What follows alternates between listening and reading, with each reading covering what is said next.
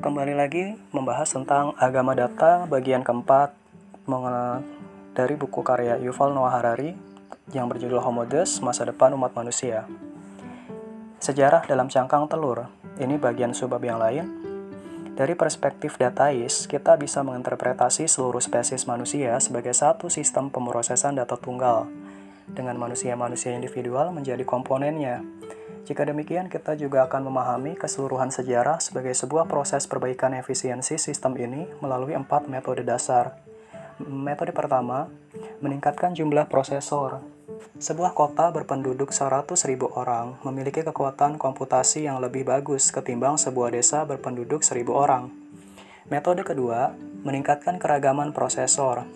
Prosesor pemrosesor yang berbeda bisa menggunakan bermacam-macam cara untuk mengalkulasi dan menganalisis data. Karena itu, menggunakan beberapa macam prosesor dalam satu sistem tunggal bisa meningkatkan dinamika dan kreativitas. Sebuah percakapan antara seorang petani, seorang pendeta, dan seorang dokter bisa menghasilkan ide-ide baru yang tidak akan pernah muncul dari satu percakapan antara tiga pemburu pengumpul.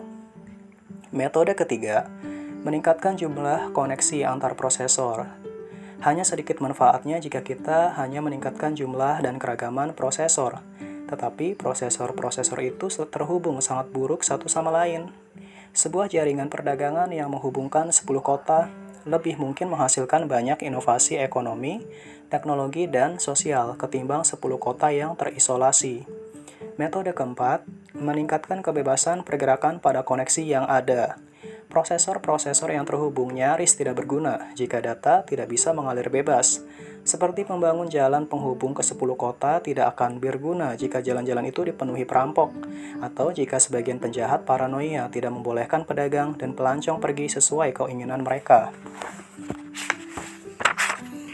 Keempat metode ini sering bertentangan satu sama lain. Semakin besar jumlah dan keragaman prosesornya, semakin sulit untuk bisa terhubung secara bebas. Dengan demikian, konstruksi sistem pemrosesan data sapiens akan melewati keempat tahap ini, yang masing-masing dicirikan oleh suatu penekanan pada satu metode yang berbeda. Tahap pertama dimulai dengan revolusi kognitif, yang memungkinkan koneksi jumlah besar sapien menjadi satu jaringan pemrosesan tunggal. Ini memberi keunggulan krusial bagi sapiens atas seluruh spesies manusia dan binatang lain. Kalau pada Neanderthal, simpanse, atau gajah terdapat batasan ketat jumlah yang bisa Anda hubungkan jaringan yang sama. Pada sapiens, tak ada batas jumlah. Sapiens memanfaatkan keunggulan dalam pemrosesan data ini untuk menaklukkan seluruh dunia. Namun, saat mereka menyebar ke wilayah-wilayah yang berbeda dan jauh, mereka kehilangan sentuhan satu sama lain dan mengalami transformasi kultural yang beragam. Akibatnya adalah ada keragaman besar kultur manusia yang masing-masing dengan gaya hidup, pola-pola perilaku, dan pandangan dunia yang berbeda. Karena itu, fase pertama sejarah melibatkan peningkatan jumlah dan keragaman prosesor manusia. Dengan mengorbankan konektivitas 20.000 tahun lalu, jumlah sapiens lebih banyak dari 70.000 tahun lalu. Dan sapiens di Eropa memproses informasi secara berbeda dari sapiens di Cina. Namun tidak ada koneksi antara orang di Eropa dan orang di Cina. Dan tampaknya hampir mustahil bahwa seluruh sapiens suatu hari bisa menjadi bagian dari sebuah jejaring pemrosesan data tunggal. Tahap kedua, Dimulai dengan revolusi agrikultur dan berlanjut sampai penciptaan tulisan dan uang sekitar 5000 tahun lalu. Agrikultur mengakselerasi pertumbuhan demografis sehingga jumlah prosesor manusia naik secara tajam. Secara simultan, pertanian memungkinkan banyak orang hidup bersama dalam keterhubungan yang erat sehingga menghasilkan jejaring lokal yang padat yang berisi prosesor dalam jumlah yang tidak pernah terjadi sebelumnya. Selain itu, pertanian menciptakan insentif dan peluang baru bagi beragam jejaring untuk saling bertukar dan berkomunikasi.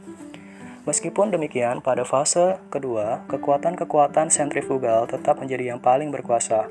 Sebelum ada tulisan dan uang, manusia tidak bisa mendirikan kota, kerajaan, atau imperium. Populasi manusia masih terbagi menjadi banyak sekali suku, yang masing-masing memiliki gaya hidup dan pandangan dunia yang berbeda-beda menyatukan seluruh umat manusia, bahkan tidak terjangkau oleh manusia, oleh fantasi tentunya. Tahap ketiga, yang digulirkan oleh penciptaan tulisan dan uang sekitar 5000 tahun lalu, berlangsung sampai awal revolusi saintifik. Berkat tulisan dan uang, medan gravitasi kerjasama manusia akhirnya mengungguli kekuatan-kekuatan sentrifugal. Kelompok manusia terikat dan menyatu untuk membangun kota-kota dan kerajaan-kerajaan. Hubungan politik dan komersial antara berbagai kota dan kerajaan yang berbeda juga semakin erat. Paling tidak sejak milenium pertama sebelum Masehi, ketika koin, imperium, dan agama universal muncul, manusia mulai secara sadar mengimpikan tentang pembentukan satu jaringan tunggal yang akan mencakup segenap bumi. Impian ini menjadi nyata pada tahap keempat dan terakhir dari sejarah yang bermula sekitar tahun 1492 Para penjelajah, penakluk, dan pedagang modern awal memintal benang-benang tipis pertama yang mencakup seluruh dunia.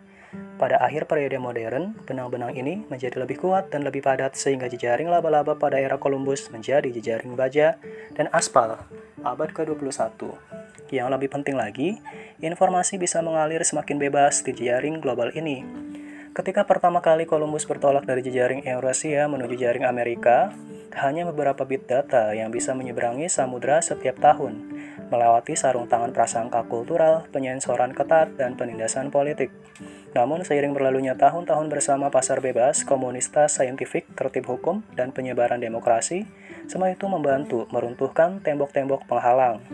Kita sering membayangkan bahwa demokrasi dan pasar bebas menang karena keduanya bagus. Yang benar, keduanya menang karena bisa memperbaiki sistem pemrosesan data global. Jadi dalam 70.000 tahun terakhir ini, populasi manusia pertama-tama menyebar, kemudian berpisah menjadi kelompok-kelompok wilayah dan akhirnya menyatu lagi. Namun proses penyatuan itu tidak membawa kita kembali ke permulaan.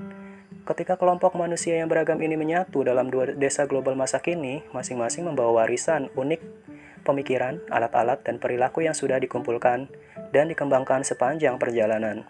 Lemari makan modern kita kini diisi gandum Timur Tengah, kentang Andea, gula New Guinea, dan kopi Ethiopia. Demikian pula bahasa, agama, musik, dan politik kita penuh dengan warisan pusaka dari seluruh planet. Jika manusia benar-benar menjadi sebuah sistem pemrosesan, pemrosesan data tunggal, lalu apa hasilnya nanti? Para datais akan berkata bahwa hasilnya adalah penciptaan sebuah sistem pemrosesan data yang baru dan lebih efisien, yang disebut internet untuk segala hal, atau in English, Internet of Things. Begitu misi ini tercapai, Homo sapiens akan musnah.